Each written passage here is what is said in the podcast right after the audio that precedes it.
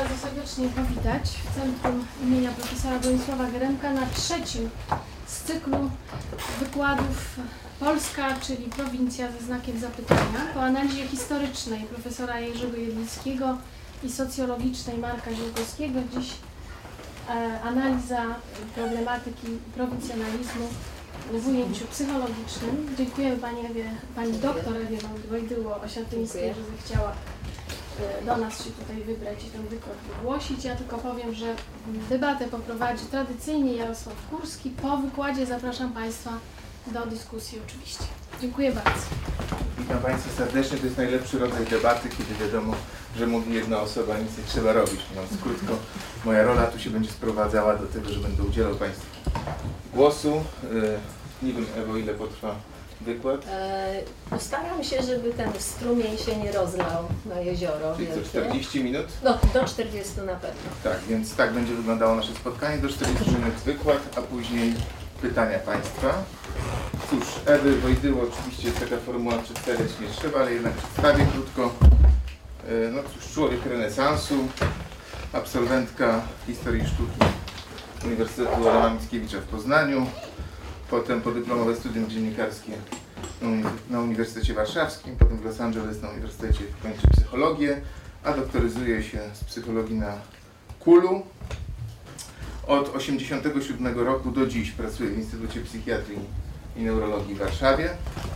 Od 1989 roku w Fundacji Stefana Batorego prowadzi program dotyczący uzależnień.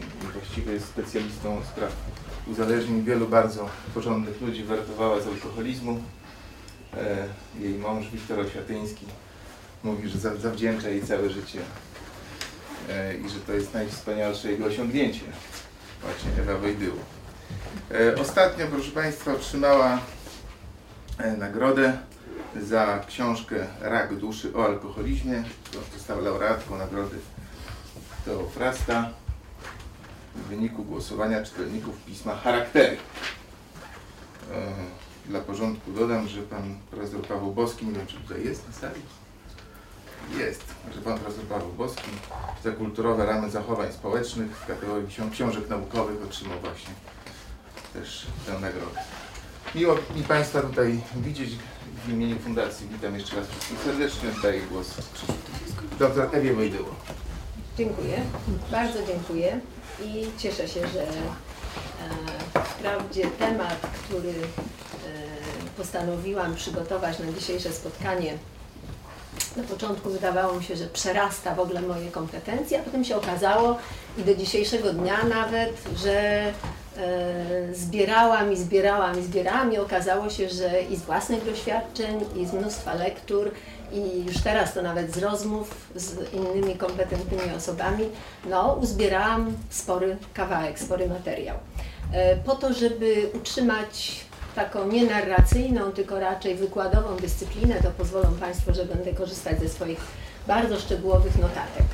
I zacznę od tego, że dzięki tym dwóm poprzednim referatom e, właściwie to zbliżyliśmy się do potwierdzenia tej, tego re, e, te, hipotetycznej odpowiedzi na retoryczne pytanie Polska, czyli prowincja. E, I ja z tym nie będę specjalnie polemizować. E, Historyk przytoczył argumenty na to, że e, jesteśmy, nawet tak profesor Jedlicki się wyraził, wiecznymi prowincjuszami ze Środkowego Wschodu. E, Marek Ziółkowski e, wykazał, że poczucie wartości i tożsamości Polaków odzwierciedla nasza duma raczej z historii i z cierpień narodu niż z ustroju i osiągnięć. To są dwa cytaty z konkluzji tamtych dwóch referatów. Nie kwestionując tych opinii, postaram się jednak troszeczkę e, spojrzeć na sprawę może e, mniej pesymistycznie. Chociaż nie wątpię, że dotkniemy takich kwestii, które e, są zbieżne z tymi dwoma spojrzeniami.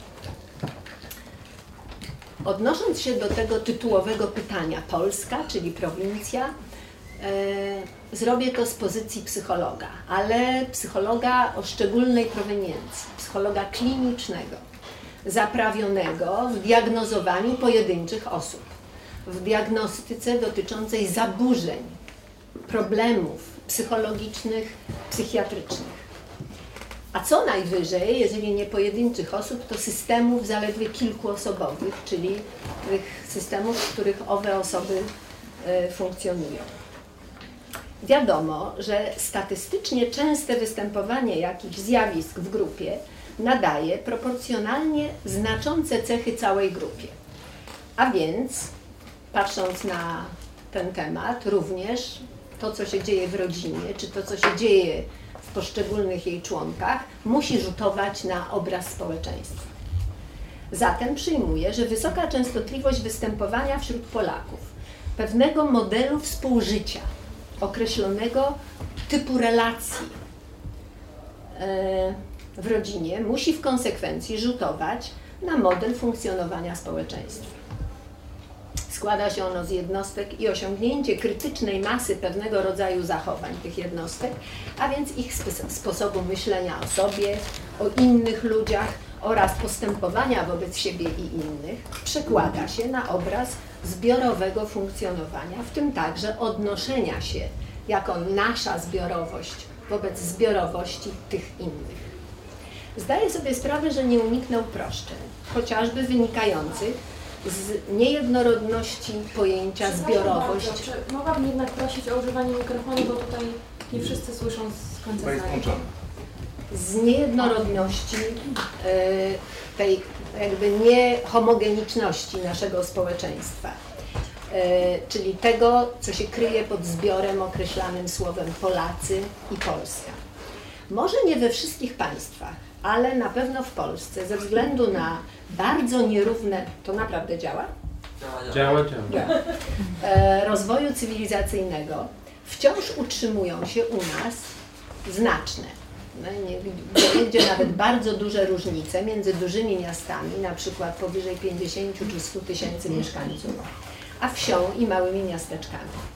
Różnice te dotyczą wielu spraw, między innymi niejednakowego dostępu do nowoczesnej edukacji, dóbr technologicznych, możliwości aktywnego udziału w y, tych nurtach przemian y, kulturalno czy kulturowo-obyczajowych. Odmienności te w naturalny sposób wpływają na postawy mieszkańców, ich przekonania, styl życia i stosunek do siebie oraz do innych ludzi i świata wokół. W swych rozważaniach pozwolę teraz,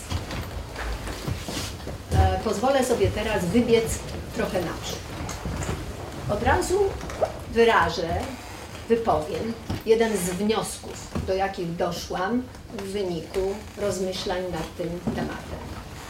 Jest to spostrzeżenie, iż Polacy znajdujący się pod niewielkim wpływem małomiasteczkowego i wiejskiego, a więc tradycyjnego bardziej niż gdzie indziej wychowania, żyją i funkcjonują, a więc myślą i postępują wprawdzie w Polsce, ale nie noszącej poza geograficznymi czy ekonomicznymi cech prowincji. Przeciwnie, czują się w centrum, żyją jakby żyli w centrum, działają, a przede wszystkim myślą o sobie, jakby znajdowali się w centrum. Prawdziwe centrum, znajdujące się za granicą, też tak się do nich odnosi. I Polska, ich Polska, nie jest prowincją. Zaś Polacy wyrośli w podporządkowaniu tradycyjnym regułom i zasadom układania relacji interpersonalnych, proszę zwrócić uwagę, że odbiegam od uwarunkowań historycznych czy kulturowych, które oczywiście miały na to wpływ, ale skupiam się na relacjach rodzinnych. Zresztą wewnątrz rodziny, jak również w odniesieniu do ludzi spoza ścisłego grona przynależności. Myślą, czują i zachowują się tak, jakby Polska była prowincją niekiedy bardzo odległą albo podległą w stosunku do centrum lokowanego przede wszystkim na zachodzie.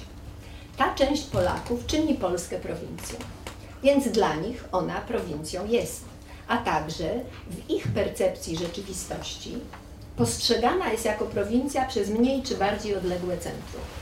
Również to centrum, które mieści się w Polsce, jest reprezentowane przez tę wcześniej przedstawioną grupę. Ilu ich jest, tych Polaków, wolnych od negatywnej skazy prowincjonalizmu?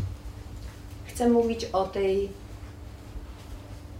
gdyby pozytywnej części obywateli. Kim oni są?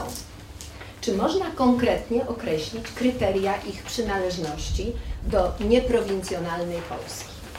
Ilu? Na to nie potrafię odpowiedzieć bez badań na wielkiej grupie, zresztą najlepiej na wszystkich Polakach i to nie tylko w kraju, ale również za granicą.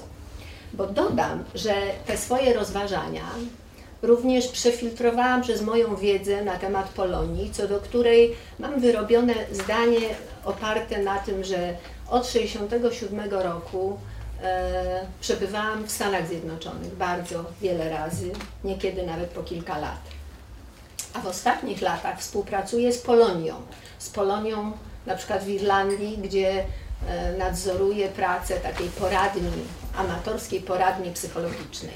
Wobec tego to, co wiem o Polonii, wydaje mi się bardzo zbieżne z tym, co chciałabym powiedzieć o Polakach w ogóle. Zresztą przyniosłam tutaj i udostępnię Państwu e, wywiad, do którego dotarłam. On zresztą był drukowany w polityce Cezarego Łazarewicza z e, Jarosławem Hołodeckim, takim działaczem Solidarności z Chicago, który w dużej mierze potwierdza to, co tutaj suponuję, mówiąc, że Polonia opiera się czy funkcjonuje według podobnych zasad jak my, Polacy, tu w kraju. Polonijną prowincję cechują uprzedzenia, kompleksy i nieufność do niepolaków, zaś polonijne centrum odnosi się z szacunkiem, uznaniem i sympatią dla nowego kraju, z jego rozmaitymi mieszkańcami i problemami, przy jednoczesnym zachowaniu polskiej tożsamości i dumy narodowej. Zadałam też drugie pytanie kim są Polacy wolni od negatywnej skazy prowincjonalizmu? Można na to pytanie odpowiedzieć konkretnie albo bardziej ogólnie. Konkretnie to na przykład Witold Gombrowicz, Czesław Miłosz, Wisława Szymborska, Magdalena Abakanowicz, ostatnio czytam Joanna Rajkowska, Artur Żmijewski, Jerzy Buzek, Wojciech Fibak, Elżbieta Penderecka, Lech Wałęsa, no i oczywiście Państwo bez trudu uzupełniliby tę listę o dziesiątki, dziesiątki nazwisk.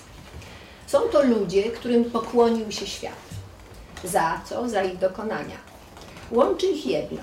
Mieli odwagę wejść ze swymi dziełami, czynami lub ideami w światła Jupiterów.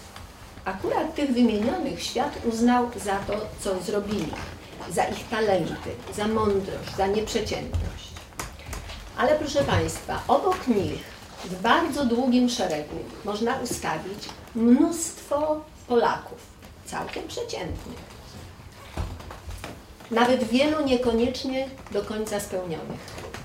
W ogóle niewybitnych, a mimo to wolnych od chorobliwego kompleksu niższości, który w sensie subiektywnym jest chyba najbardziej dokuczliwym znamieniem prowincji.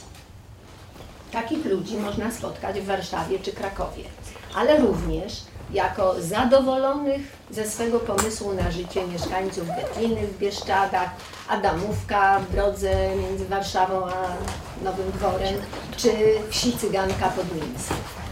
Życie sielskie, wybrane przez kogoś, kto jest lub nie jest rolnikiem czy gospodarzem i wykonuje z dala od wielkomiejskich przywilejów, dających satysfakcję pracę, na przykład mechanika samochodowego czy e, trenerki psów sportowych.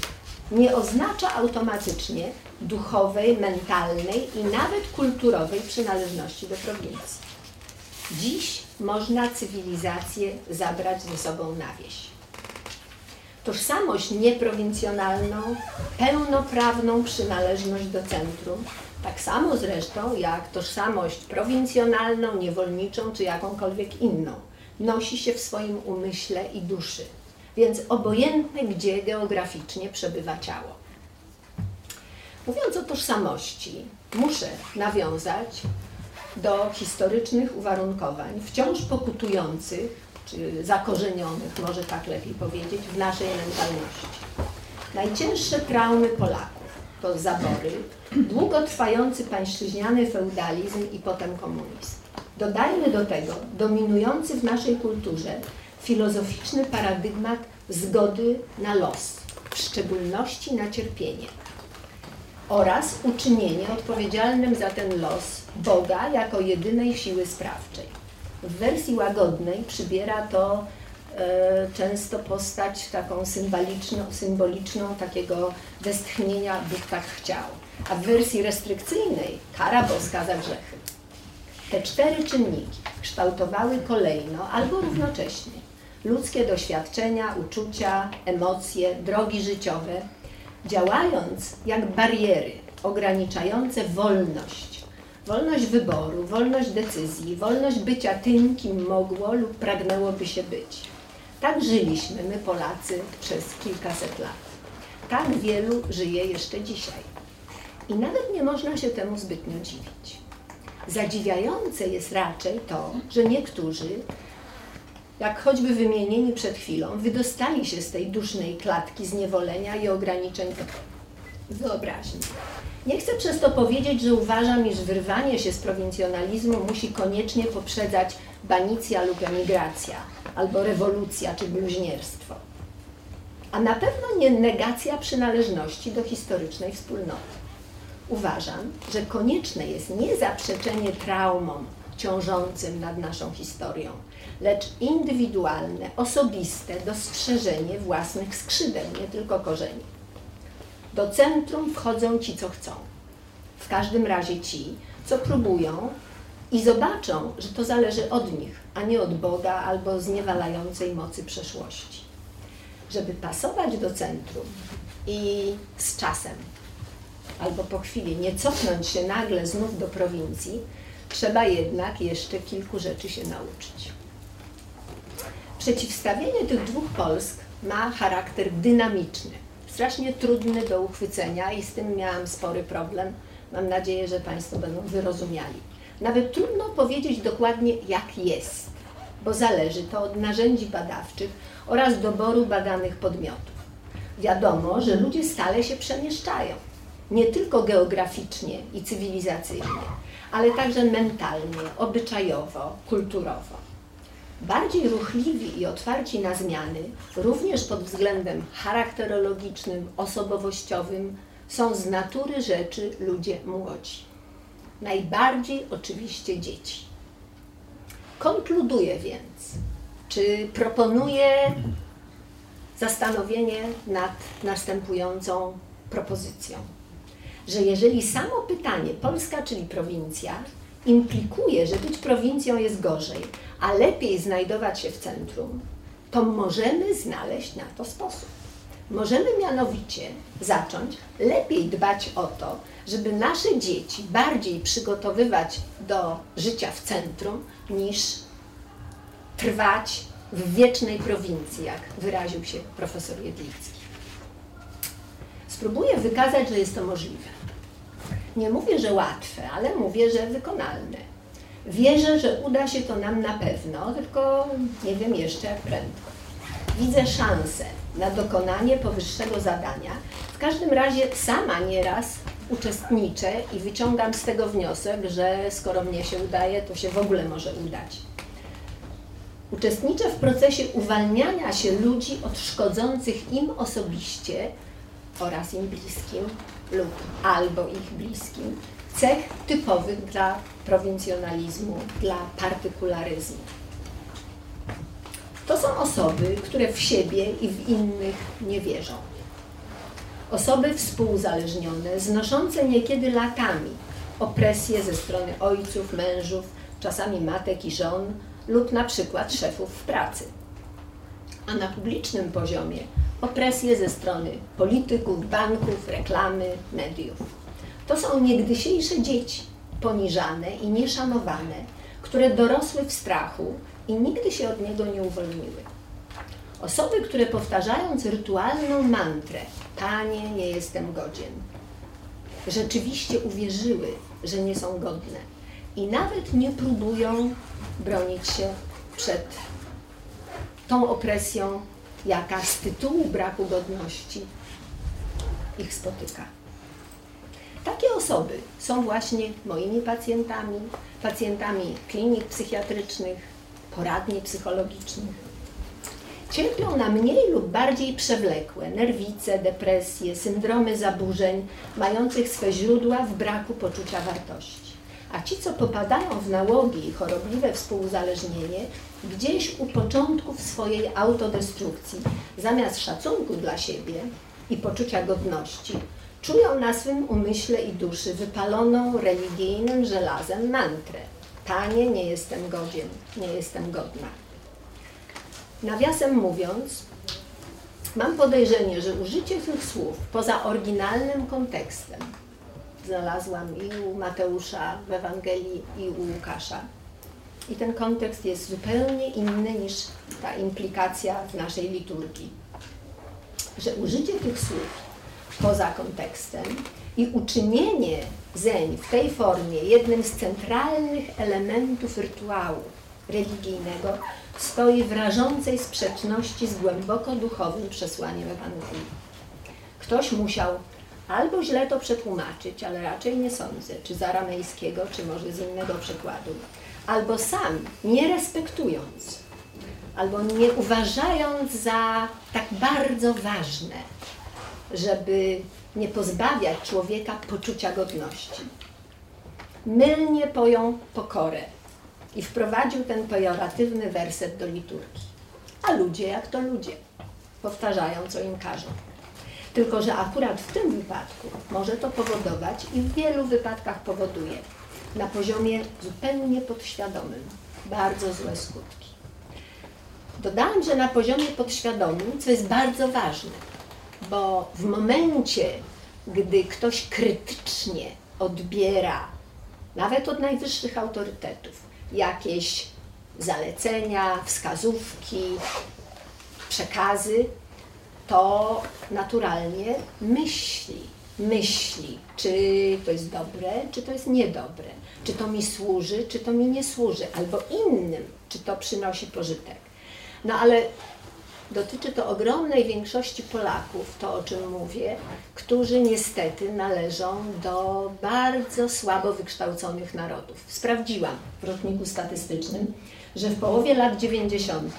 mniej niż 7% Polaków miało wykształcenie wyższe, a 25% średnie. Natomiast w 2006 roku, czyli już bliżej naszych czasów, liczby te się podwoiły. No w każdym razie wyższe wykształcenie dzisiaj pewnie ma 15-18%, a średnie, średnie 35%. No więc widzimy, że nie możemy oczekiwać, żeby się, e, żeby się ludzie, e, którzy nie posiadają tej aparatury, tego instrumentu, do korygowania odbieranych bodźców, informacji intelektualnych, żeby się do tego mogły ustosunkować krytycznie. Tymczasem jest to strasznie ważna sprawa, bo dotyka poczucia wartości, godności. To jest to, co człowiek wnosi ze sobą w swoje własne życie.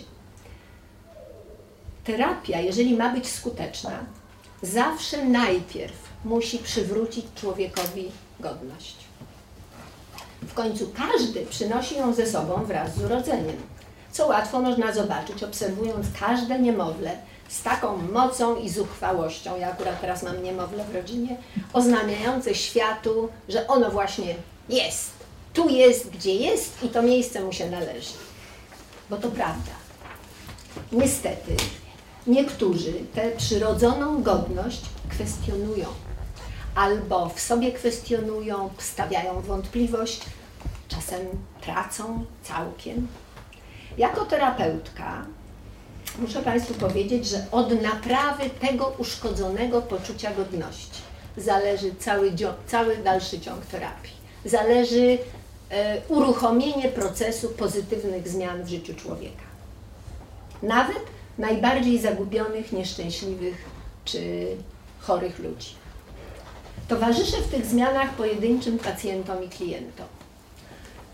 Ale widząc, jak jest ich wielu, a jest, po moich prawie tam 30 latach pracy, to już jestem co do tego pewna, nabieram nadziei, że zmiana osobista jednostek musi pewnego dnia przełożyć się na zmianę zbiorową. Słowem, jeżeli tylko zechcemy, nadejdzie dla Polaków moment przeprowadzki z prowincji do centrum, paradoksalnie nie ruszając się z miejsca. Natomiast zmieniając swoje nawyki, schematy zachowań, typy relacji i komunikacji między ludźmi. Od rodzin poczynając poprzez sąsiedztwo, różne grupy bezpośredniego odniesienia, a kończąc na społeczeństwie jako wspólnej zbiorowości. Pracując nad tym tematem, jak przystało na psychologa, najpierw przeanalizowałam samą siebie. Nie będę Państwu tutaj przedstawiać swojej charakterystyki, ale wyjaśnię przynajmniej jedną rzecz. Dlaczego nigdy w życiu nie powiedziałabym, że należę do prowincji? Otóż, gdybym należała, przez gardło by mi nie przeszło zdanie, że coś jest owszem trudne, ale jest możliwe. Takie podejście do idei lub zadania stanowi jeden z głównych atrybutów ludzi mających wiarę w swoją sprawczość, patrzących przed siebie, a nie za siebie. A to cecha decyzyjnego centrum. Użycie liczby mnogiej przeze mnie.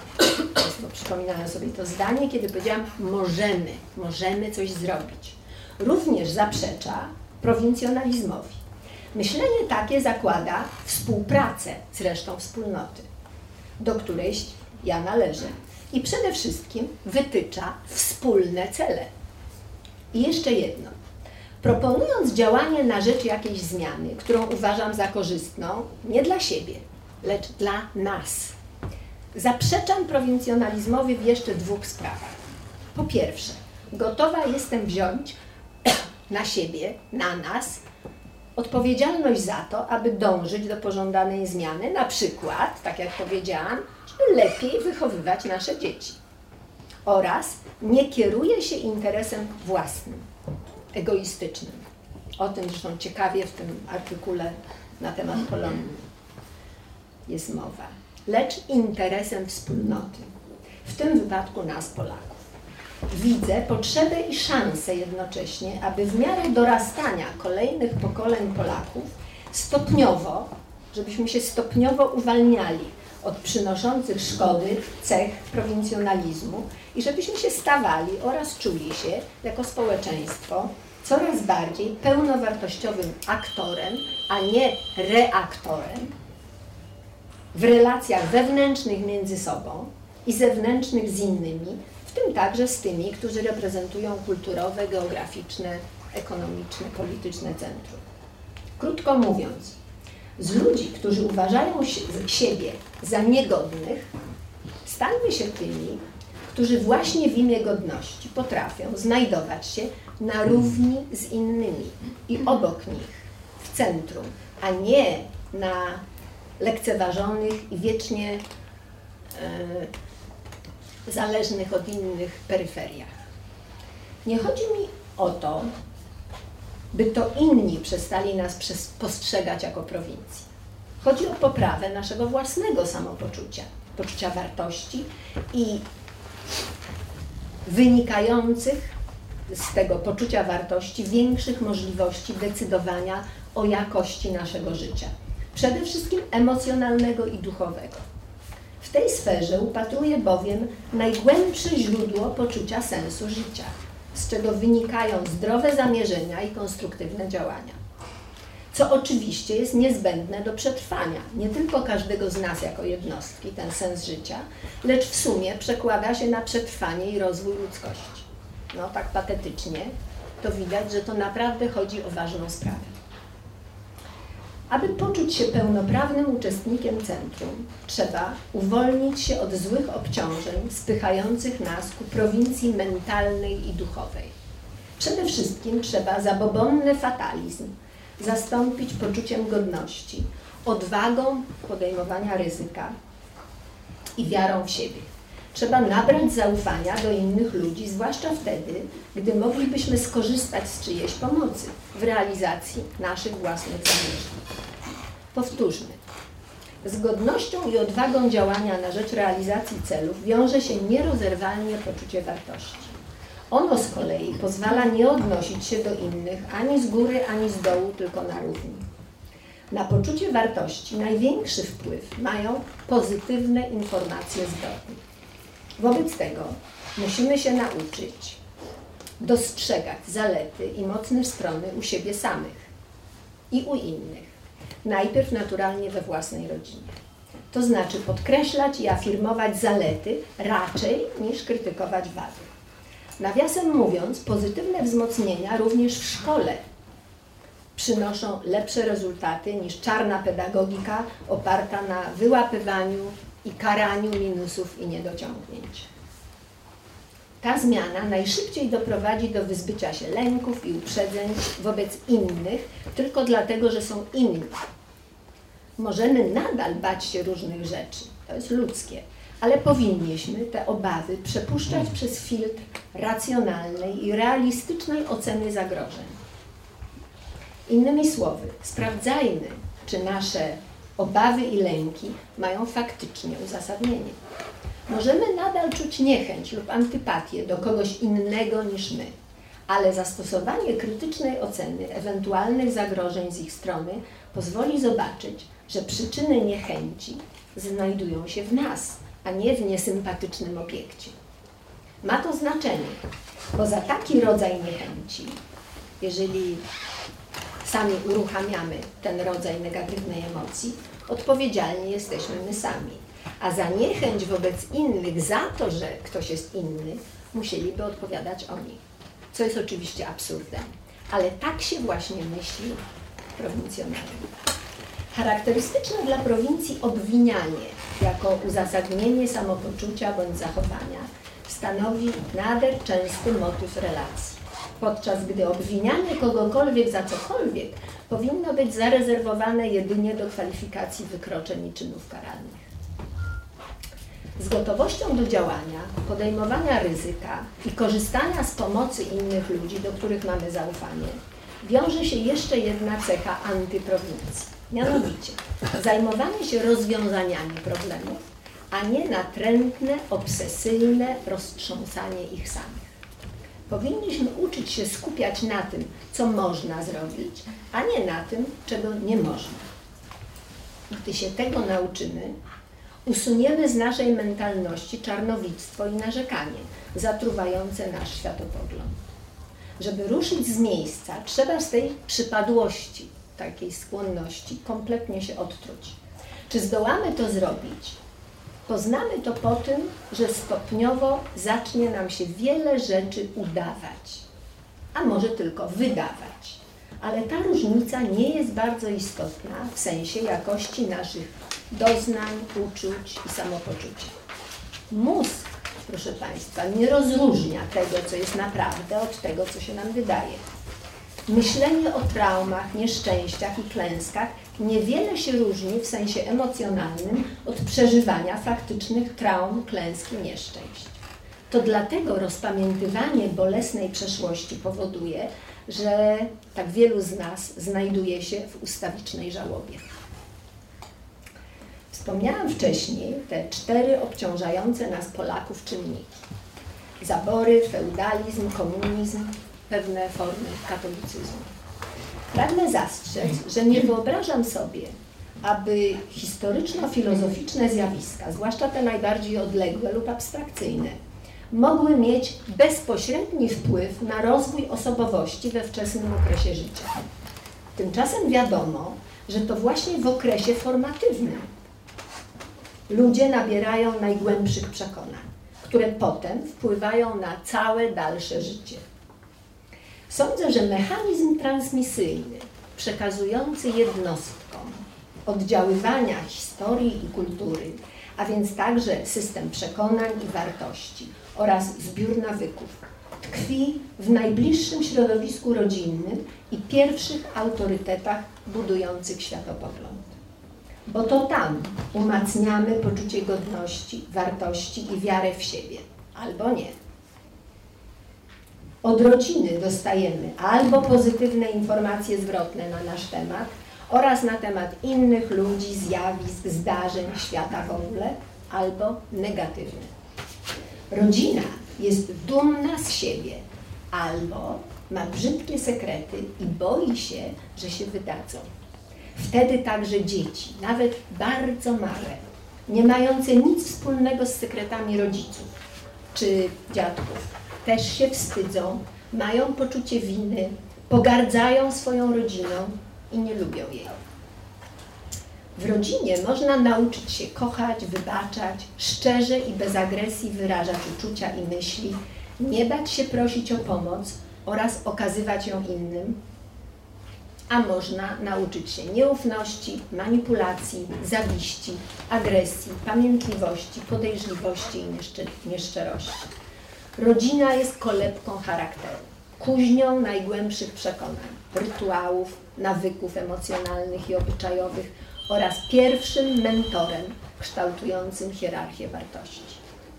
W rodzinie patologicznej, na przykład alkoholowej, a większość moich pacjentów z takich rodzin pochodzi, w rodzinie niemoralnej, autorytarnej, nieoświeconej wzrastają patologiczni, niemoralni, autorytarni i nieoświeceni ludzie. W rodzinie zdrowej, czyli otwartej, szczerej, wzajemnej, opartej na współpracy, szacunku i zaufaniu, także do zewnętrznych systemów wsparcia i pomocy, a nawet do państwa. Kształtują się charaktery ludzi otwartych, niezakompleksionych, odpornych psychicznie. Ludzie wyrośli w nieufności i negatywizmie powielają niedobry model wychowania w swoich późniejszych rodzinach. Ci, którzy mają szczęście wzrastać w zdrowych rodzinach, przekazują przyszłym pokoleniom dobre wzory. U nas słyszymy wciąż o konieczności obrony, yy, przywrócenia praw tradycyjnej rodzinie, która od wieków opierała się głównie na posłuszeństwie. Dopiero na naszych oczach wyłania się model rodziny nieautorytarnej, opartej na szacunku, zaufaniu i poszanowaniu praw i godności każdego członka rodziny. Widzę ostatnia ustawa dotycząca praw dziecka. Których rodzin będzie więcej? Zależy naprawdę wyłącznie od nas. A od tych, których będzie więcej, zależy nasz zbiorowy autoportret postrzegany przez nas samych, a także przez innych. Właściwie już kończę. Jeszcze mam kilka stron notatek, ale myślę, że to będzie, może w dyskusji się pojawi temat. Na zakończenie w każdym razie mam jeszcze jedną refleksję. Możliwe, że relacje między rodziną a zbiorowością są obustronne, a wpływy dwukierunkowe. Możliwe, że nasza nader często dysfunkcyjna rodzina jest w jakiejś mierze odzwierciedleniem dysfunkcyjności społeczeństwa, a także mechanizmów obronnych wytworzonych historycznie w tym społeczeństwie. Ten problem wykracza poza moje kompetencje oraz temat tego wykładu i wymagałby pojawienia się tutaj na moim miejscu e, kogoś, kto by zajął się takimi zagadnieniami.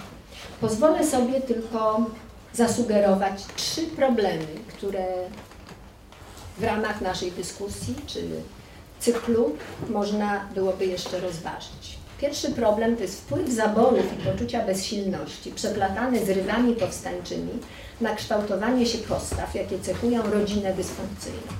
Na przykład trwanie w niekorzystnej sytuacji z wiarą, że sama kiedyś minie, albo zdarzy się cud, albo ktoś nas obroni wynikająca z bierności kumulacja tłumionego gniewu, wybuchającego co jakiś czas w formie agresji lub autoagresji.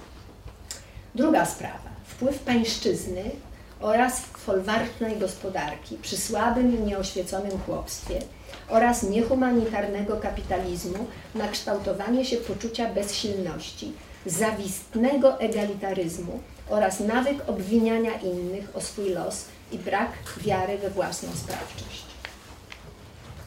Trzecie zagadnienie to jest narzucony przez mocarstwa komunizm, który jeszcze silniej wpoił nam ideę egalitaryzmu i roszczeniowy, a nie uczestniczący i odpowiedzialny stosunek do państwa.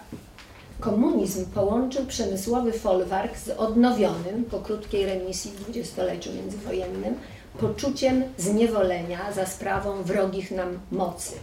postrzeganych jako zdrajcy, skoro działali w imię swoich, a nie naszych interesów.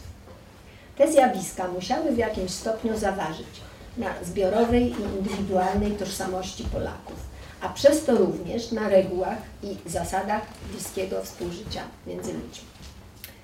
Tyle przygotowałam w takim zwartym e, przedstawieniu, prezentacji i myślę, że oddam głos osobie prowadzącej i zaprosimy Państwa do pytań, dyskusji, wypowiedzi. Sama jestem ogromnie ciekawa.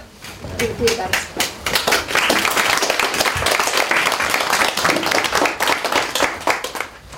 Może ja po prostu zachęcę od razu Państwa do zadawania pytań. E, A jeśli ich nie ma, to sam zadam pierwsze. Bardzo proszę. No tak, to było Proszę uprzejmie. interesujące bardzo oczywiście.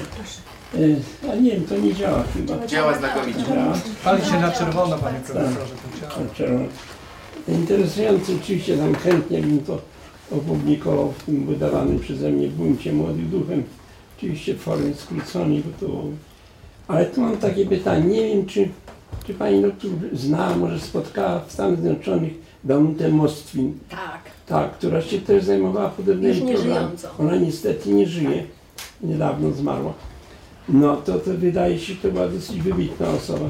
się- Ale tu mnie to zainteresowało tak, bo ta, ten temat sam prowincjonalizm, on jest w ogóle, to jak, tak jak Pani mówiła, to jest właściwie oderwany od terytorium, obszaru. Pani właściwie, można powiedzieć, tworzyła jakby dwa typy idealne, weberowskie, takie przeciwstawne sobie. I teraz oczywiście chodzi o przejście od jednego typu drugiego, powiedzmy od tego właśnie negatywnego do tego bardziej pozytywnego. Ale tutaj mm, nasuwa się od razu myśl, jaka, czy jest tu jakiś związek z takim popularnym pojęciem charakteru narodowego? Czy można by tutaj właśnie te cechy, które Pani tak podkreśla, a które są rzeczywiście u nas występują, chociaż one, ja nie wiem, może one częściej występują na tej, na tej rzeczywistej prowincji terytorialnej niż w mieście. Chociaż Pani tam zaznaczyła y, wskaźnik wykształcenia. No może być oczywiście w takim razie i w dużym mieście mamy i taki typ ludzi, pewno i taki typ ludzi. Więc tutaj to trochę jakoś wydaje mi się, że te kontury się tutaj trochę zamazują. Ale, ale to zagadnienie tego charakteru narodowego to byłoby interesujące, bo y, wielu socjologów zresztą kwestionuje to pojęcie. A jeszcze taka druga rzecz, która mi się nasunęła, bo Pani tak bardzo to ujmuje i słusznie, relatywnie, ale właściwie czy to nie można by zastosować czy to Pani się opiera na przykładzie polskim? Na przykładzie Polski Pani wywodzi? Czy można powiedzieć, że właściwie to zjawisko występuje z pewnymi zmianami w każdym społeczeństwie? Niezależnie od tego, czy polskie, czy niemieckie, czy francuskie, bo tam też znajdziemy takie jakieś dwa typy, chociaż może występujące pod pewnym względem mniej jaskrawo, jak u nas to właśnie zostało tutaj zarysowane. Ale to by mnie interesowało, gdy mowa.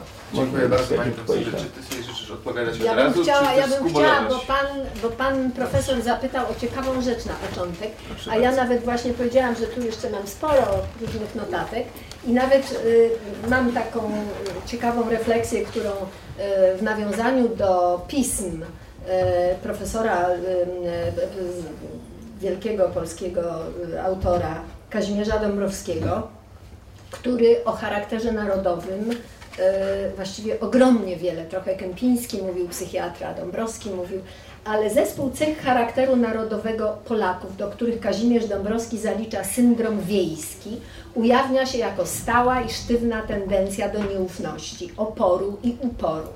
Autor, czyli Kazimierz Dąbrowski, tak to usprawiedliwia.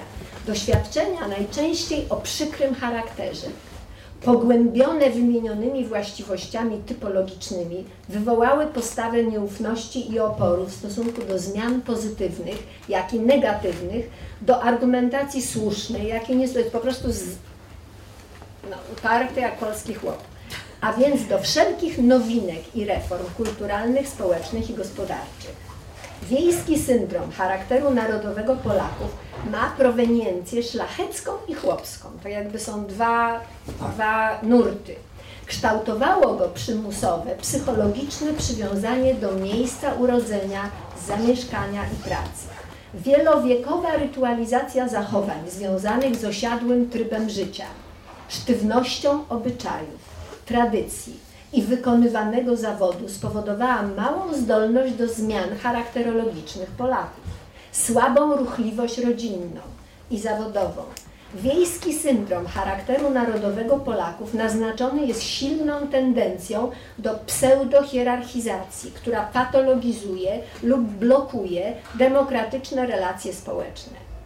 Miasto, twór prawny, czyni ze swych mieszkańców politeizm i czyni politeizm również bogów.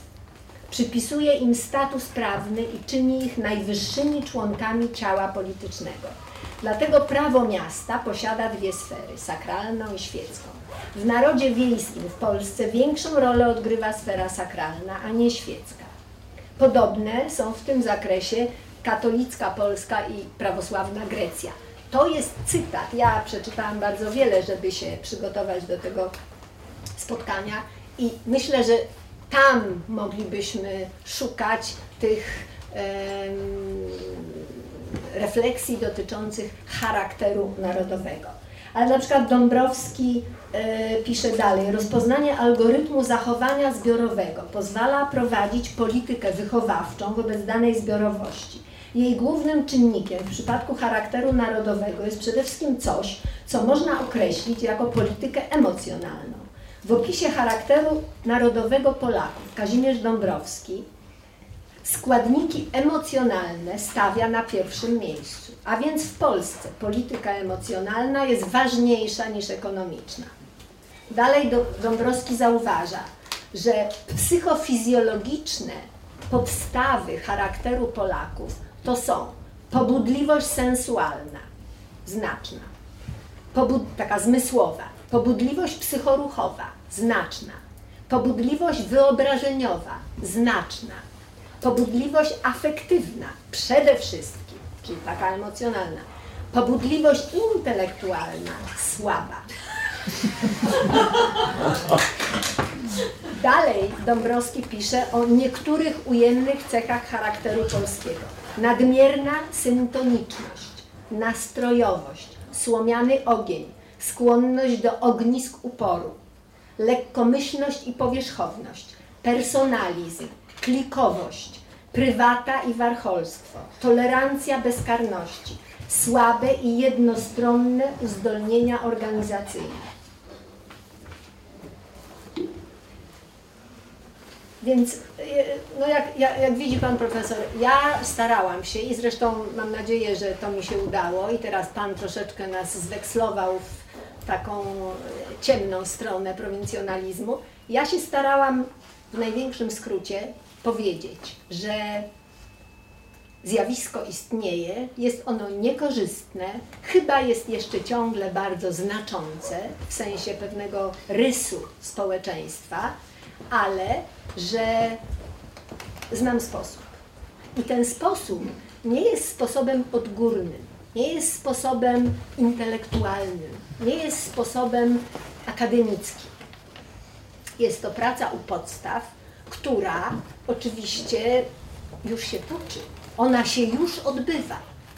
Ja podałam kilka przykładów, wszystkie jestem gotowa e, urzeczywistnić w postaci imion, nazwisk, bo te osoby, które żyją e, w takiej kulturze pozamiejskiej, a o których wspominam, one żyją na wyżynach duchowych, mentalnych, moralnych i Mimo, że jest to życie czasami z paleniem w piecu, ono nie ma nic wspólnego z prowincjonalizmem.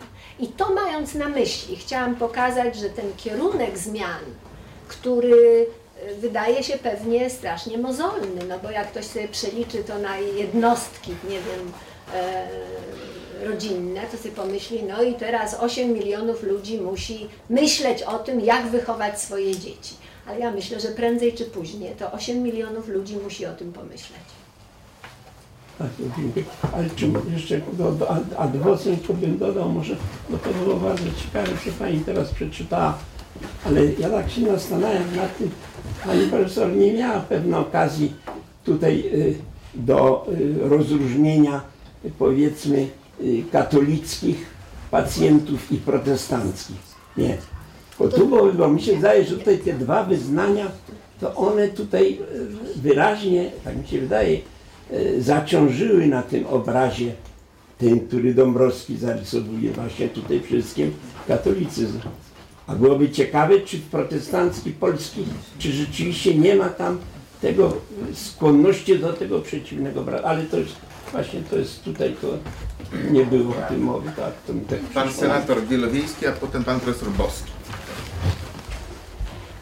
Chciałem bardzo podziękować Pani doktor za, za ten cały wykład, a zwłaszcza na to uzupełnienie profesora z profesorem Dąbrowskim na końcu, który zresztą też był dla wielu z nas, dla mnie, dla wielu innych był również mistrzem. Taki mam żal trochę do profesora Wierzbickiego, którego książeczkę tutaj mam, ale nie obecnego tutaj, tylko Andrzeja Wierzbickiego, który za mało grubo, pisząc o charakterze narodowym, uwzględnił Dąbrowskiego, który myślę, że tutaj daje nam bardzo istotne, zwłaszcza z tym syndromem wiejskim. Ja robię tylko jedną krótką uwagę i postawię jednak, spróbuję troszeczkę to rozszerzyć, postawię Pani pytania. Bo ta uwaga moja dodatkowa zresztą dotyczy chyba Pani doświadczeń amerykańskich. Pamiętam jak zwiedzałem Teksas i tam odwiedzałem te rejony osie- osiedleńcze Polaków i, opowiadano mi właśnie takie historie, jak przyjechała taka gromada polskich, polskich włościan, prawda, z Galicji czy, czy ze Śląska także. Y, I jak dalece byli eksploatowani i trzymani za, za mordę po prostu, no, y, uciskani przez różnych liderów, również katolickich, jak to Irlandczycy bardzo ładnie to robili. Przyznaję się, że ten wątek to jest bardzo znamienny, bo ja byłem w Ameryce wtedy, kiedy papieża wybierali i później ci, e, ci e, byłem na takim zjeździe katolickim i ci Irlandczycy później bili, bój Boże, teraz już nie będziemy mogli opowiadać e, dowcipów o Polakach. Prawda? Bo to było, to, było coś, co tam wrosło bardzo mocno. Otóż w tejże, w tym, w tej Santa, Santa Maria w Teksasie powiedziano mi jedną bardzo ważną rzecz. Wśród tych chłopków z Galicji znalazł się jeden szlachcic z Podola, który tam trafił. I natychmiast się sytuacja odwróciła, bo on objął komendę i zaczął bić Niemców i Irlandczyków i przeganiać. I wtedy oni się obudzili, to był swojak i on stanął na czele. Spośród nich tak drugiego, tak, to, jest ta trauma, te cztery pani traumy są bardzo istotne i, i zaborcza, i pańszczyźniana, i, i komunistyczna. No i trochę katolicka. Moje pytanie będzie tego dotyczyć. Mówi Pani dużo o rodzinie i to było, chyba to się trzymało dobrze kupy, to było, to było dobre. Y, Czy, czy bierze Pani pod uwagę w tej, w tej bardziej perspektywicznej, szerokiej wizji transformacji, edukacji i transformacji społecznej to, że mamy strasznie autorytarne szkoły kiepskie, autorytarne szkoły. One się powiedzieć, że dla tych dzieci prawda, od 7-6 roku życia liczą. Y, Z kolei y, obok szkół mamy tak samo, no to trochę zachodzi za to, co Pani mówiła, autorytarne parafie. Y, 90% proboszczów nie dopuszcza czegokolwiek, jakiegokolwiek głosu parafian, jakiegokolwiek samorządu, prawda? Jest to rzecz, obydwie te rzeczy, i szkoła, i parafie są antyobywatelskie, prawda? Jeżeli chodzi o wizję tego, wizję społeczną. I poza tym też bierzmy to pod uwagę. Ponad 50% gmin w Polsce nie ma żadnego NGO-sa, żadnej organizacji społecznej, łącznie z parafiami. Ponad 50% gmin nie ma nic, jeżeli chodzi o aktywność obywatelską. No, e, to jest to, co kształtuje również te nasze dzieci. Nie? Bez wątpienia podzielam troskę w tej sprawie, bez wątpienia. Y, Ja tutaj wspomniałam jednym dosłownie zdaniem, zresztą używając y, y, klamry, że nawiasem mówiąc polska szkoła też mogłaby zastosować nawet jeden bardzo niespecjalnie wymagający zmiany programów edukacji nauczycieli. Y, spełniając tylko jeden wymóg, żeby nauczyciele nauczyli się, to ktoś im, ja zresztą jak mam zajęcia z nauczycielami, na przykład y, niektóre fundacje prowadzą takie, y, takie programy i zdarza mi się na przykład szkolić, czy rozmawiać z ludźmi, którzy uczą dzieci, to doskonale do nich to trafia. Natychmiast przekonują się, że ten, ten koncept pozytywnego wzmocnienia, który jest właściwie łatwym, łatwym technicznym zabiegiem, e, może odmienić w ogóle no, strasznie dużo. To będzie efekt domina, bo to poleci w sposób y, niezwykle pozytywny. Natomiast my mamy skostniały system akademicki. Niestety.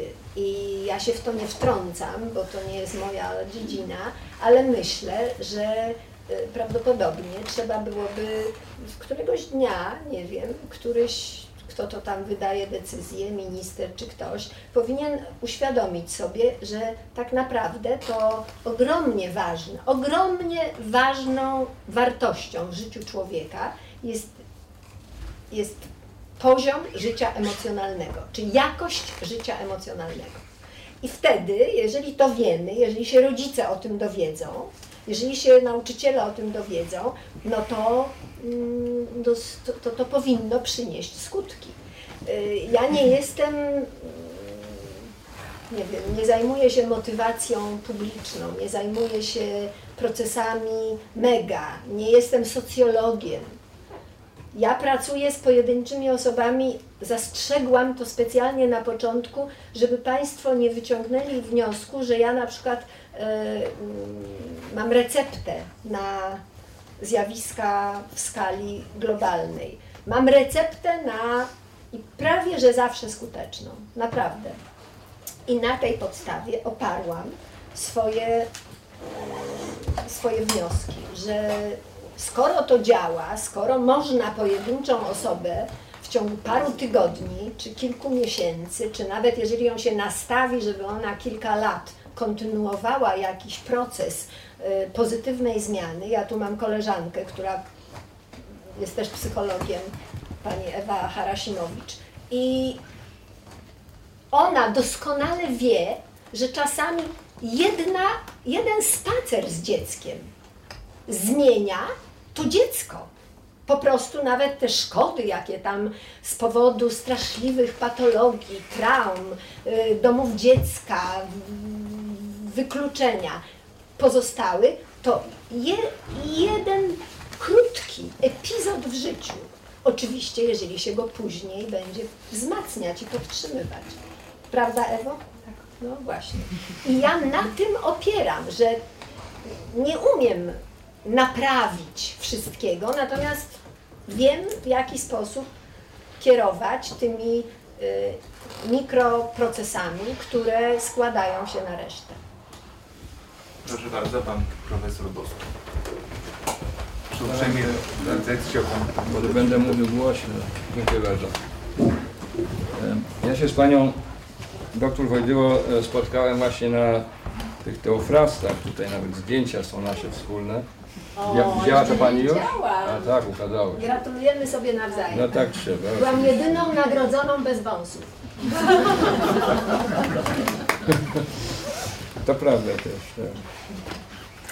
No może w przyszłym roku będzie odwrot, będą odwrotne proporcje. No i e, ja dostałem tego Teofrasta na, za, za książkę Kulturowe ramy zachowań społecznych, bo jestem właśnie psychologiem kulturowym. Em, I w trakcie tej ceremonii e, pani mnie zapytała, czy ja w tej książce piszę na temat prowincjonalizmu, a zwłaszcza prowincjonalizmu Polaków. Ja się żachnąłem, myślę sobie, co za pytanie. No bo rzeczywiście na ten temat e, nie piszę i e, myślę, że sformułowanie prowincjonalizm psychologiczny jest e, trochę prowokacyjne, bo to tak rzeczywiście, zwłaszcza jakiejś grupy etnicznej, narodowej czy innej jest zastosowane, to tak, e, no to, to, to, to od razu ustawia bardzo niekorzystnie. No i teraz oczywiście ja przyszedłem tutaj, bardzo jest y, miłe to miejsce. Ciekaw jestem, co Pani na ten temat powie. Otóż, no właśnie mam, e, za- zanim e, powiem to, co, co ja myślę, to, to może takie podsumowanie, co ja zrozumiałem. Otóż mnie ten obraz prowincjonalizmu w Pani wydaniu, w Pani ustach nie bardzo jest e, taki klarowny. No bo z jednej strony Pani mówi o, o tym, że to jednak, ale niekoniecznie, ale jednak częściej jest sprawa małomiasteczkowa, że to jest związane z wykształceniem, albo właśnie jest jego brakiem. Czyli, że łatwiej jest o, o nieprowincjonalizm, czyli co? W zasadzie pro, przeciwieństwem prowincjonalizmu byłby centra, no, centralizm, to też jakoś nie bardzo ładnie. Demokratyczny. Nie, nie, nie. Ognisko. Kosmopolityzm. A, nie, no chyba nie, chyba to nie kosmopolityzm, tylko jakieś centrum, prawda? Jest centrum i, pro, i prowincja, to, i peryferia. Prowincjonalizm to jest peryferyczność, prawda? Więc to, to, to, ta druga rzecz nie jest taka łatwa do uchwycenia, ale w każdym razie później Pani e, e, weszła w temat bardziej psychologiczny, mianowicie, że prowincjusze psychologiczni to ludzie, którzy nie mają a, poczucia godności oraz własnej war, e, własna wartość jest trochę u nich zachwiana. E, No i to, to są bardzo różne rzeczy. E, Ten, ten rys y, wcale się nie, nie, nie, nie jawi jasno. Późniejśmy, później Pani e, cytowała e, Dąbrowskiego i trochę w dyskusji było na temat, e, na temat charakteru narodowego. No ja bym tu chciał od razu powiedzieć, że, e, że to jest trefne słowo charakter narodowy. Tego się nie używa, w, że tak powiem, e, świecie akademickim. E, To, to, to, to nie należy. To, to, to było od początku e, źle, e, ze złymi konotacjami i, i to, to, to, to ani nie ma badań na ten temat, ani, niczego sensownego nie można na ten temat powiedzieć, a te wypowiedzi pana Dąbrowskiego, no, no, no, no jest jaka jest. E, To, to ja myślę, że sprawą zasadniczą e, we w całej tej dyskusji jest, jest to, aby opierać się na, na, na, na dobrej nauce, na twardych, dobrych danych. No i co na ten temat można powiedzieć? Otóż jeśli Polacy e, tak gremialnie, albo niektórzy, czy, czy część Polaków byłaby prowincjonalna, to w stosunku do kogo? No pani e, to powiedziała tak, w stosunku do innych Polaków, którzy takimi nie są, którzy są otwarci, którzy wierzą w siebie, którzy mają poczucie e, sprawczości i tak dalej. No ale ktoś z dyskutantów słusznie podkreślił, że to nic szczególnego dla Polaków, dlatego że prowincjusze się wszędzie znajdują. Tego typu prowincjusze ps- psychologiczni. Ludzie, którzy są pasywni, którzy nie mają wiary we własne siły, którzy mówią, że nie są godni, e, mówią tylko mea culpa, a jeszcze wskazują na innych, że inni są jeszcze gorsi. No więc, e, no, no, no, no to prawda, no jest dużo prowincjuszy w różnych e, częściach e, świata, w największych krajach również, łącznie z Ameryką.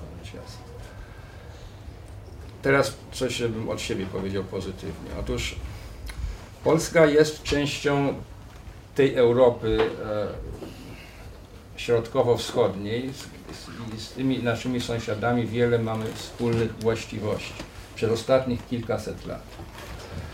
I e, rzeczywiście e, no, badania e, wskazują, że od Europy Zachodniej, tej, tej piętnastki, czy jak tam, ale no nie, nie całej piętnastki, bo, bo Grecja to nie, no jednak się trochę różnimy. Ciągle się różnimy i, i to jest nie tylko ekonomiczne, cywilizacyjne zapóźnienie, ale jest przede wszystkim uwiąd em, czy też nie, nie, niedorozwój w zakresie życia publicznego. To Pani o tym mówiła. To jest brak sprawności w zakresie funkcjonowania ponadjednostkowego, znaczy ponad własnym interesem oraz e, to, to zupełnie mam takie wyniki ostatnich wręcz dni, że, że, że w tej części e, Europy, z Polską włącznie, e, no, istnieją tego typu właściwości, że tak powiem, osobowościowe, nie charakterologiczne, ale rzeczywiście mierzalne osobowościowo, jak mniejsza sumienność oraz oraz mniejsza ugodowość, a więc coś, co można by nazwać właśnie brak, niższy poziom odpowiedzialności społecznej. No i teraz tak, jeśli to jest prowincjalizm jakiś, no to, to, to jest prowincjalizm w stosunku do, do, do bogatszej, bardziej zaawansowanej e, Europy Zachodniej. E, Pola, Polacy tutaj są niespecjalnie różni od Rumunów, Bułgarów czy Węgrów. No więc e, jesteśmy do tej samej rodziny należymy. E, Ja bym powiedział, że w każdym razie, że jeśli e, właściwością świata nieprowincjonalnego oraz funkcjonowania nieprowincjonalnego jest to, że człowiek wychodzi poza rodzinę oraz, oraz bliskie związki e, interpersonalne, to Polakom i innym, i Węgrom, i Rumunom, i Bułgarom i tak dalej, brak umiejętności funkcjonowania no, e, w, w, w poza, e, w relacjach, które są ponad, e, ponad małymi grupami rodzinnymi, przyjacielskimi i tak. E, I oczywiście to widać codziennie gołym okiem i się zrzymamy i, i, i ręce załamujemy, co się dzieje. To znaczy nieumiejętność a, podejmowania skutecznych działań, e, wspierania się e, bez wzajemnego obrażania i tak. E, Do tego potrzeba rzeczywiście, e, znaczy takie rzeczy można robić w rodzinie, kłócić się do, zajadle przy stole e, z, z ciocią, z wujkiem i tak dalej. E, I to uchodzi. Natomiast nie uchodzi, e, jeśli tak ludzie robią w telewizji na przykład i oglądają ich miliony ludzi, bo to nie jest rodzina sensu stricto, prawda? Czyli i oczywiście kończąc, to co Pani mówi o, o historii, to jest racja, dlatego że u nas nie było nigdy w- zasadzie funkcjonującego państwa polskiego i za królów też to nie, nie bardzo wyglądało, a później to już nie było warunków. Czyli, że tak powiem, umiejętność e, e, społecznego czy też obywatelskiego funkcjonowania.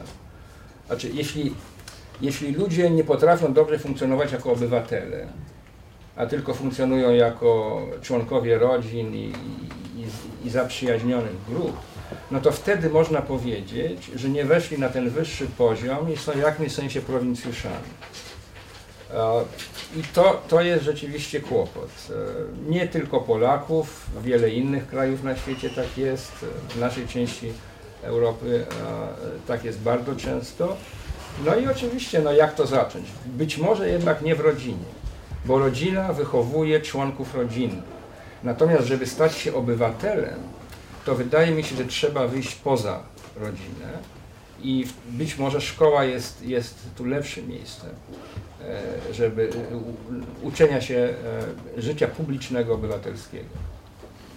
Dziękuję. Dziękuję. Dziękuję bardzo. Dziękuję bardzo, ale nawiążę troszeczkę e, paradoksalnie do tego, co pan profesor powiedział, bo oczywiście przyznaję rację, że nauka ma tutaj bardzo wiele do powiedzenia, bo może różne rzeczy mierzyć, sprawdzać, weryfikować, replikować.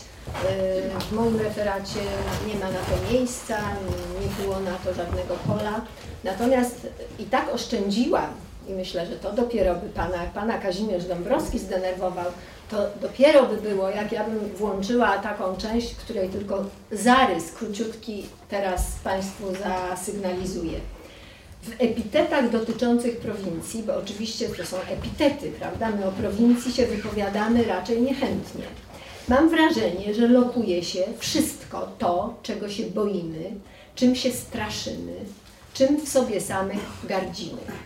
Nasuwa to skojarzenie z jungowskim cieniem. Cień, sfera kulturowo wyparta, pierwotnie obojętna moralnie, ani dobra, ani zła, odrzucona w toku tworzenia społecznej tożsamości, budowania przynależności do danego kręgu. Sfera tajemnicza, nieznana, dzika. Im mocniej wypierana, tym bardziej wzburzona. Tajnie aktywna, buzująca niechcianą energią. Tym mocniej dochodząca do głosu w momentach, gdy śpi świadoma kontrola. Również całe kultury mogą sobie wykształcić postać cienia, choćby dlatego, że dominująca w nich religia każe tłumić pewne cechy charakteru, o ile zbiorowość ta pragnie uchodzić za dobrą. Treści, które zepchnęliśmy do nieświadomości, żyją własnym życiem. Im słabsze kontakty utrzymują ze świadomością, tym mniej chętnie je uznajemy. Im bardziej są wypierane, tym mniej są cywilizowane. Stają się archaiczne i infantylne.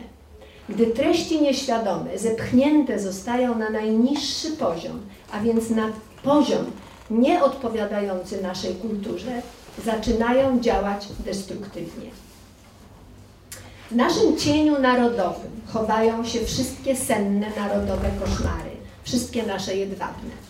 Okrucieństwo, warcholstwo, nietolerancja, archaiczność i infantylność. Osoba bez cienia nie istnieje. Społeczeństwo bez cienia też nie istnieje. Jung twierdzi, że nie sposób dostrzec własnego cienia inaczej, jak projektując go na innych, czyli widząc w cudzysłowie źdźbło w oku bliźniego swego. Im silniejszą awersyjną reakcję wywołuje we mnie ów bliźni, tym wyraźniej w jego lustrze rysuje się mój własny cień. Być może właśnie do tego zawsze byli nam potrzebni narodowi wrogowie. Zresztą dzisiaj w życiu politycznym możemy te analogie też zobaczyć. Oszczędzę Państwu dalszego psychoanalitycznego wątku, ale zapewniam, że o prowincjonalizmie jako o zbiorze mrocznych, właściwie pogardzanych przez nas samych w sobie samych cechach można mówić również z punktu widzenia rozpoznawania pewnych zjawisk, które się z tej podświadomości czy nieświadomości, jak mówili psychoanalitycy, wydobywa. Więc myślę, że zarówno Kazimierz Dąbrowski i mowa o charakterze narodowym, chociaż nie jest to termin naukowy, ale jest to termin, który wszyscy rozumiemy i z którym nawet bardzo wielu osób łatwiej się utożsami niż z osobowością narodową. Czegoś takiego jeszcze nikt nie wymyślił. Bardzo Pani Mariola Walędziak.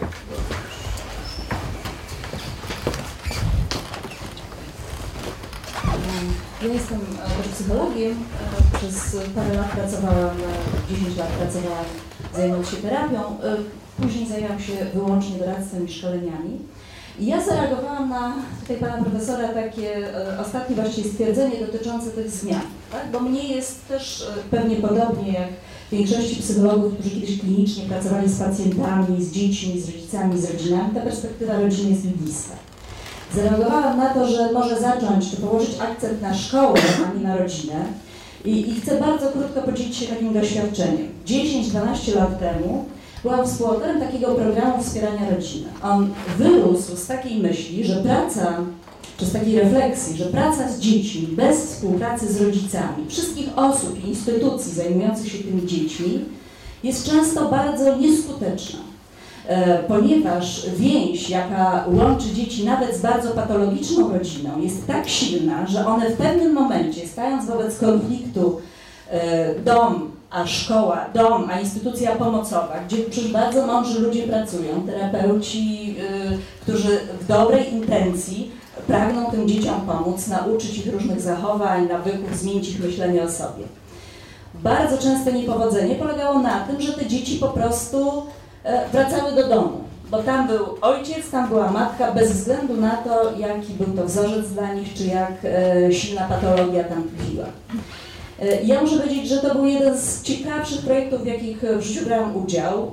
To znaczy jeżdżenie właśnie po takich miejscach jak Radom, Kozienice, Legnica, gdzie pracowaliśmy z ludźmi, którzy zajmują się dziećmi, ale uczyliśmy ich, jak tak naprawdę budować współpracę z rodzicami.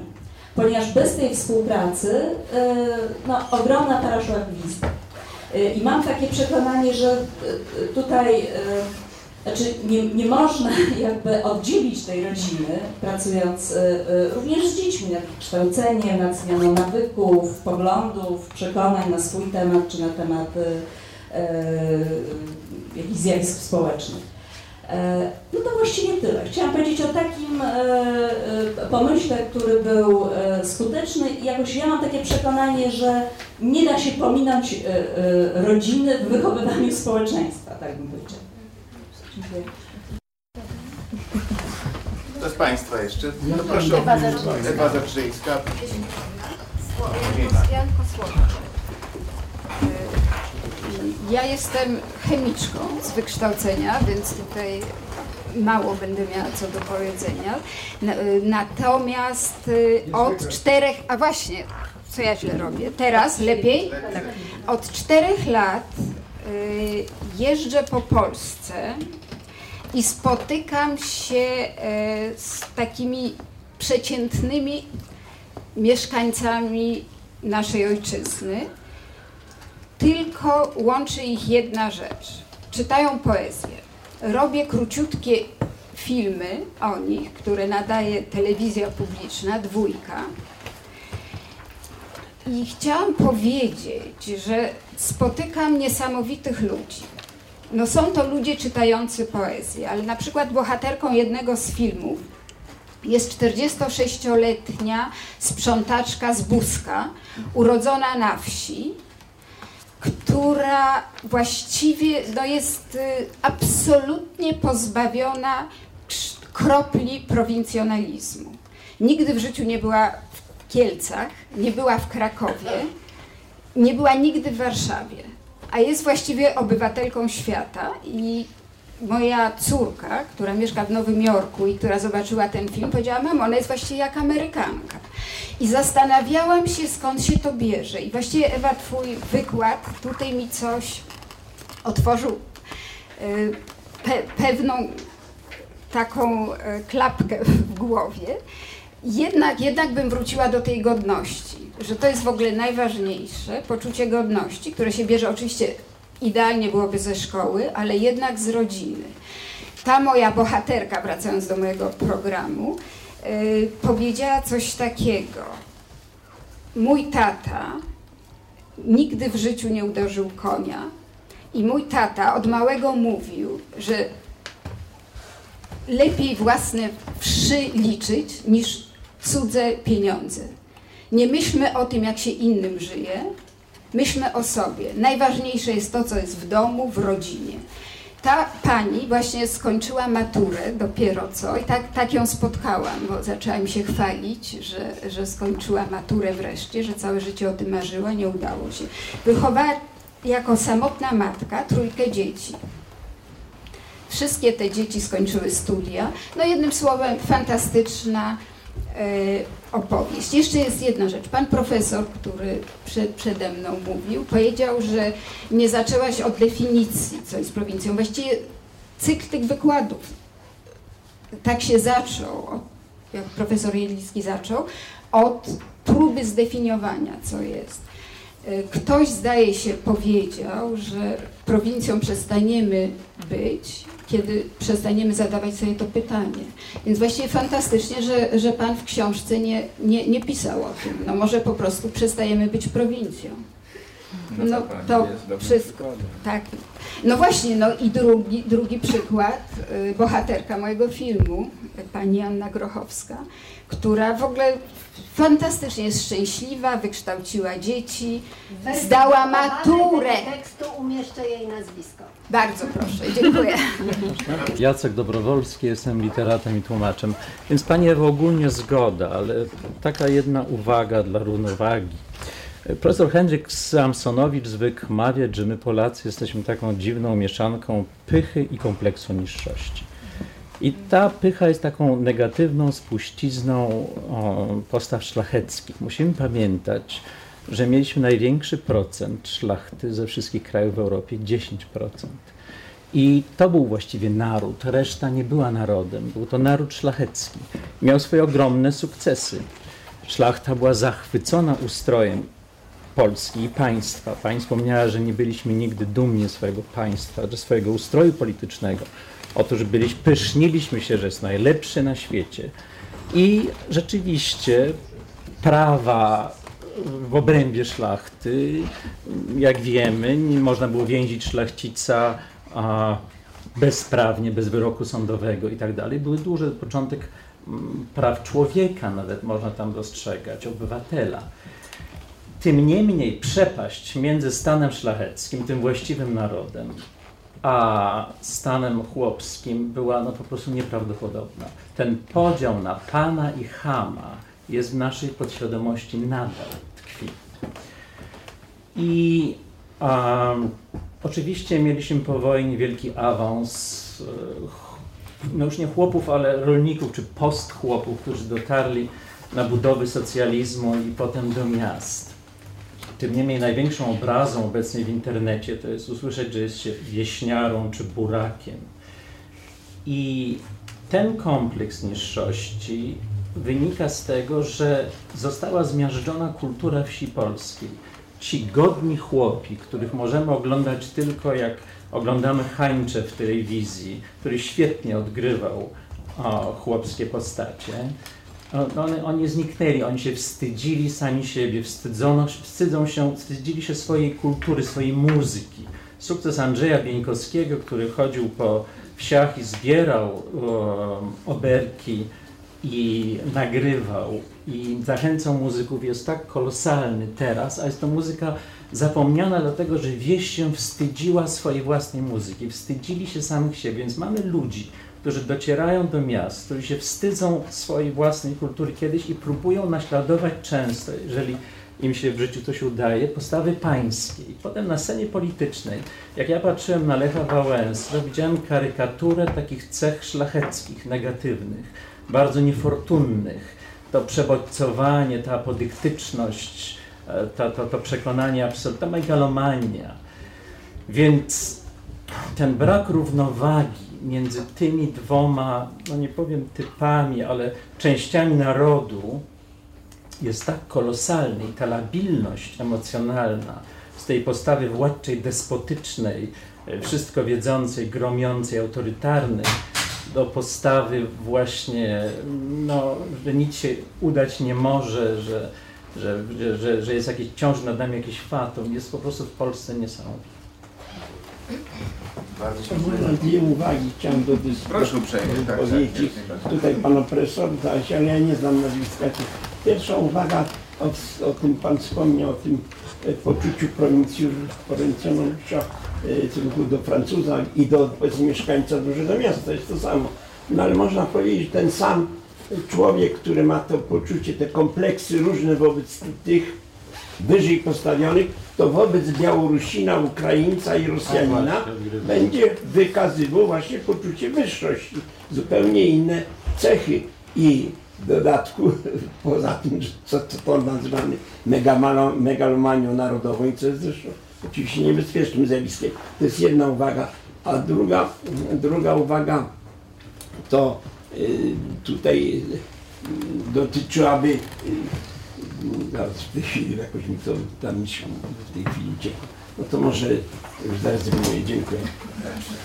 Proszę bardzo, profesor Jacek Żółkowski. Marek Żółkowski, przepraszam.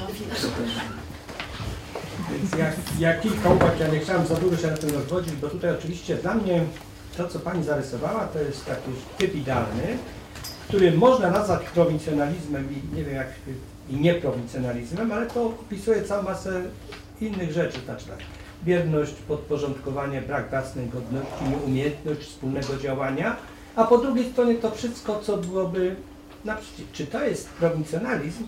No można powiedzieć, że ewentualnie tak, ale tutaj te cechy mogą występować wspólnie, mogą występować oddzielnie. To znaczy to każda z tych cech, w szczególności to, co Paweł Boski powiedział, mianowicie to, że my, jeżeli ta natura polskiej wspólnotowości, jak ja mówiłem w tym poprzednim wykładce przed Panią, to właśnie na tym się skupiłem, bo dochodzi o to, co jest dla nas wspólnotą, kiedy potrafimy działać, działać razem. To nie chodzi o stan umysłu, tylko o sposób działania, kiedy jesteśmy obywatelami, nie walczącymi o swoje partykularne interesy, tylko o dobro wspólne, rzeczy, które łączą całą wspólnotę, czy w ogóle umiemy działać, a nie tylko słabiany ogień, ogień kiedy protestujemy.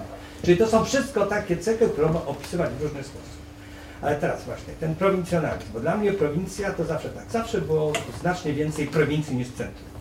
Centrum tak naprawdę jest bardzo niewiele, a po drugie, no to profesor Wierzbicki przed chwilą powiedział, pojęcie cen- centrum jest zawsze relatywne.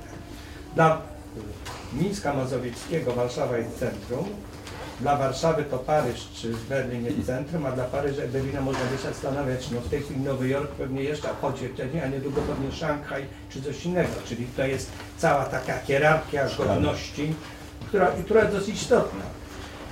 Ale teraz, niezależnie od tego wszystkiego, nas od początku interesowało, szczególnie w wykładzie profesora Jedwickiego, było to, jeżeli to jest pewien symptom cech, to czy można znaleźć przyczyny, które składają się na polski kształt prowincjonalizmu. Czy to jest tylko Europa Środkowo-Wschodnia? Bo ja mi się zgadzam, generalnie rzecz biorąc, nie wiem, czy my się dużo różnimy od Rumunów, Bułgarów czy innych narodów, które mają trochę inne statystyki, to znaczy może trochę, no bo to, to rozkłady, są. Ludzie o takich charakterystykach trochę innych. I to, co Pani powiedziała, generalnie można by się nad tym, nad tym zastanawiać, czy jest tak, czy inaczej. I dla mnie to było najciekawsze, tylko że my ma, takiego sposobu badania naukowego tego w istocie nie mamy. To są wszystko takie trochę literackie, trochę skojarzenia. Ja sam jak próbowałem pisać o mentalności Polaków, to na, naprawdę miałem potworne kłopoty, jak opisać je tak, żeby to naukowo dało się obronić, żeby jakiś Rejkowski czy ktoś inny, który tam, czy Strela w szczególności, prawda, nie złapali mnie, powiedzieli, tutaj nie ma nie ma elementów czysto naukowych. I teraz jeszcze na koniec chciałem powiedzieć, że to poczucie, że możemy działać wspólnie, bo to po wczorajszych wyborach w Stanach Zjednoczonych mi się wyraźnie nasunęło. No hasło Obamy było Yes we can. Teraz ostatnio jak mówił to było Yes we can but. I to było, i to but było niesłychanie istotne. Nagle się okazuje, że ta zdolność wspólnego działania w pewnych niesprzyjających okolicznościach nawet w tego typu narodzie jak amerykański, to mówimy, że zupełnie inne cechy reprezentuje, nagle się może rozpłynąć, jeżeli coś się w pewien sposób nie udaje. No ale to mógłbym wiele tych wątków kontynuować, tylko taka, takie zamarkowanie. Czy odpowiedź teraz? Odniosę się, no odpowiedzi do tych komentarzy, nie będę tutaj specjalnie polemizować, ale odniosę się do e, bardzo ważnej uwagi. Ja zresztą mogłam na wstępie ją sformułować, mianowicie samo pojęcie Polska, czyli prowincja, czyli prowincjonalizm polski, czyli te e, kody, którymi tutaj już w trzech wystąpieniach, w trzech referatach się posługujemy, e, są nienaukowe ale w ogóle można nawet naukowo badać zjawiska Proszę tak nie zawężać pojęcia nauki. Właśnie chciałabym. I dlatego myślę, że nawet nienaukowe pojęcie można badać naukowo. A naukowo to znaczy, y, nawet w tej chwili, poprzez wymianę spostrzeżeń, refleksji, y, krytyki, y, no to się przybliżamy. I ja zaczęłam od tego, że obydwa wcześniejsze, przede moim moi przedmówcy y, właściwie przybliżyli odpowiedź na to pytanie, ale ani ja swoim dzisiejszym y, wystąpieniem, ani myślę, że naszą dyskusją, ani jeszcze kilkoma następnymi nie udzielimy odpowiedzi, która będzie całkowicie zamykać temat. Dlatego, że sam temat pozostanie zawsze otwarty i to ktoś tutaj z Państwa na to zwrócił uwagę i oczywiście, że się zgadzam, ale jedno drugiego nie wyklucza. Przecież to, że my się zajmujemy prowincjonalizmem w Polsce, czy tym, czy Polska jest prowincją, y, to nie wyklucza, że Bułgaria też się może nad tym zastanawiać, a Dania też może się nad tym zastanawiać. Tylko myślę, że w, znowu nie naukowo, tylko raczej eseistycznie, to wśród Belgów będzie mniejsze nasycenie tego społecznego zjawiska, jakim jest poczucie prowincji, bo ja mówiłam o poczuciu prowincji, o, y, o stanie ducha, o stanie Ale właśnie, mentalności. przepraszam, stanie ducha czy stanie działania też? Stan działania jest odzwierciedleniem stanu ducha. Wobec tego to, jest, to są sprzężone zjawiska. I jeżeli człowiek startuje z solidnym, umocnionym poczuciem wartości i poczuciem godności, to jego, on może być bardzo leniwy i może mieć temperament niesłychanie y, nieaktywny. I może mu się dobrze ułożyć w życiu i nie będzie musiał nic robić, bo na przykład tak sobie wybierze styl życia, ale będzie miał potencjał do działania od razu z góry wysoki. Natomiast ktoś, kto może mieć wiele pragnień, szalone ambicje, ogromne potrzeby, ale będzie startował z pozycji niskiego poczucia wartości, to nie wystartuje w taki skuteczny sposób. O to mi chodziło. I myślę, że ja pos postanowiłam zobaczyć to pojęcie, czy ten, e, ten dylemat Polska, czyli prowincja, zobaczyć no właśnie ze swojego bardzo niewielkiego gabinetu, w którym mam do czynienia no co najmniej z grupą 24-osobową, bo tyle mniej więcej mamy krzeseł w Instytucie Psychiatrii, gdzie pracuję, albo pojedyncze osoby czy kilkuosobowe rodziny. I tam ułożył mi się ten puzzle w taki sposób, że zobaczyłam to zjawisko.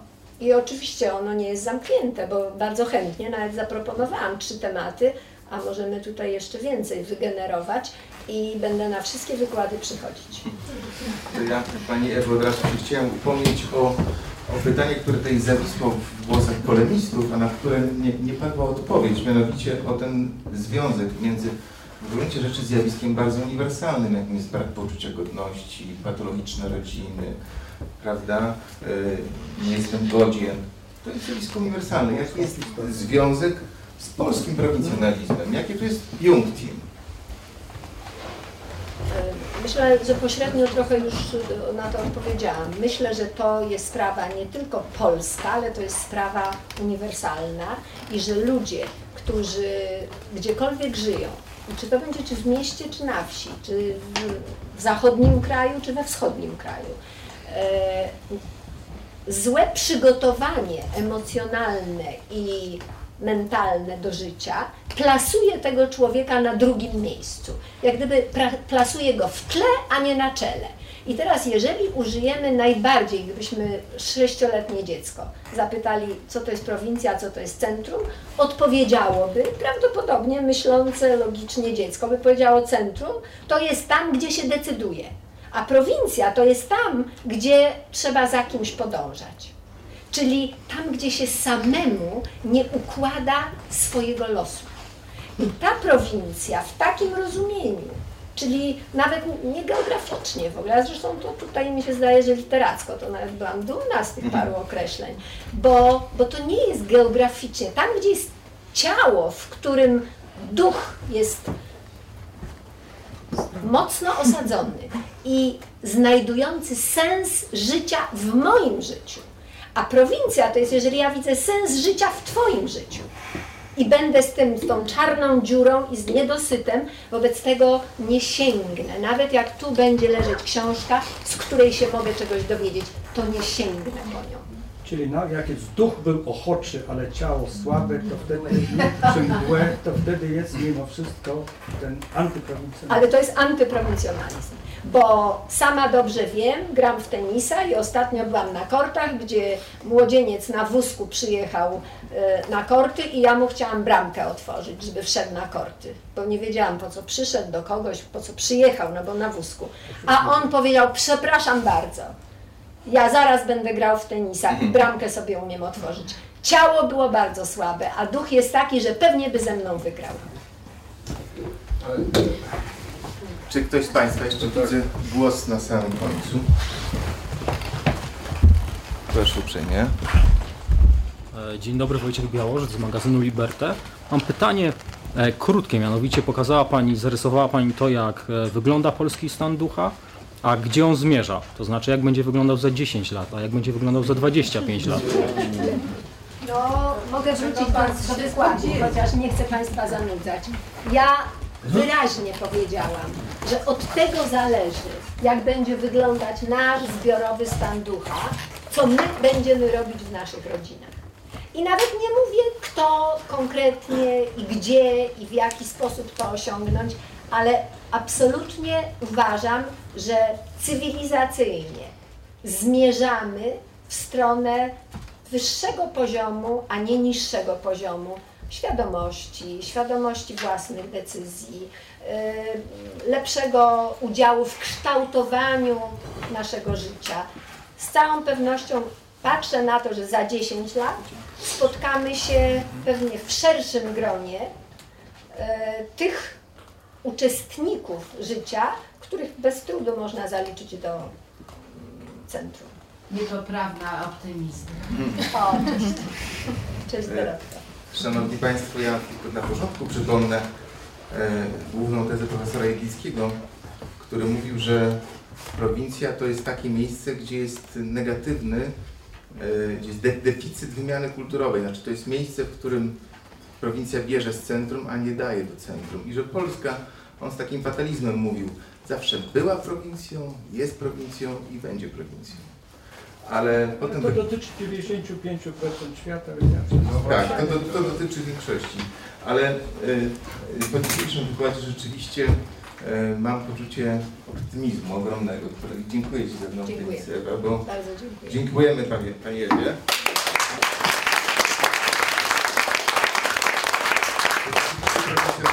Albo jest w nas, albo, albo go w sobie nie mamy. Jest niezależny od, od terytorium, od, od geografii. Dziękuję bardzo. Dziękuję.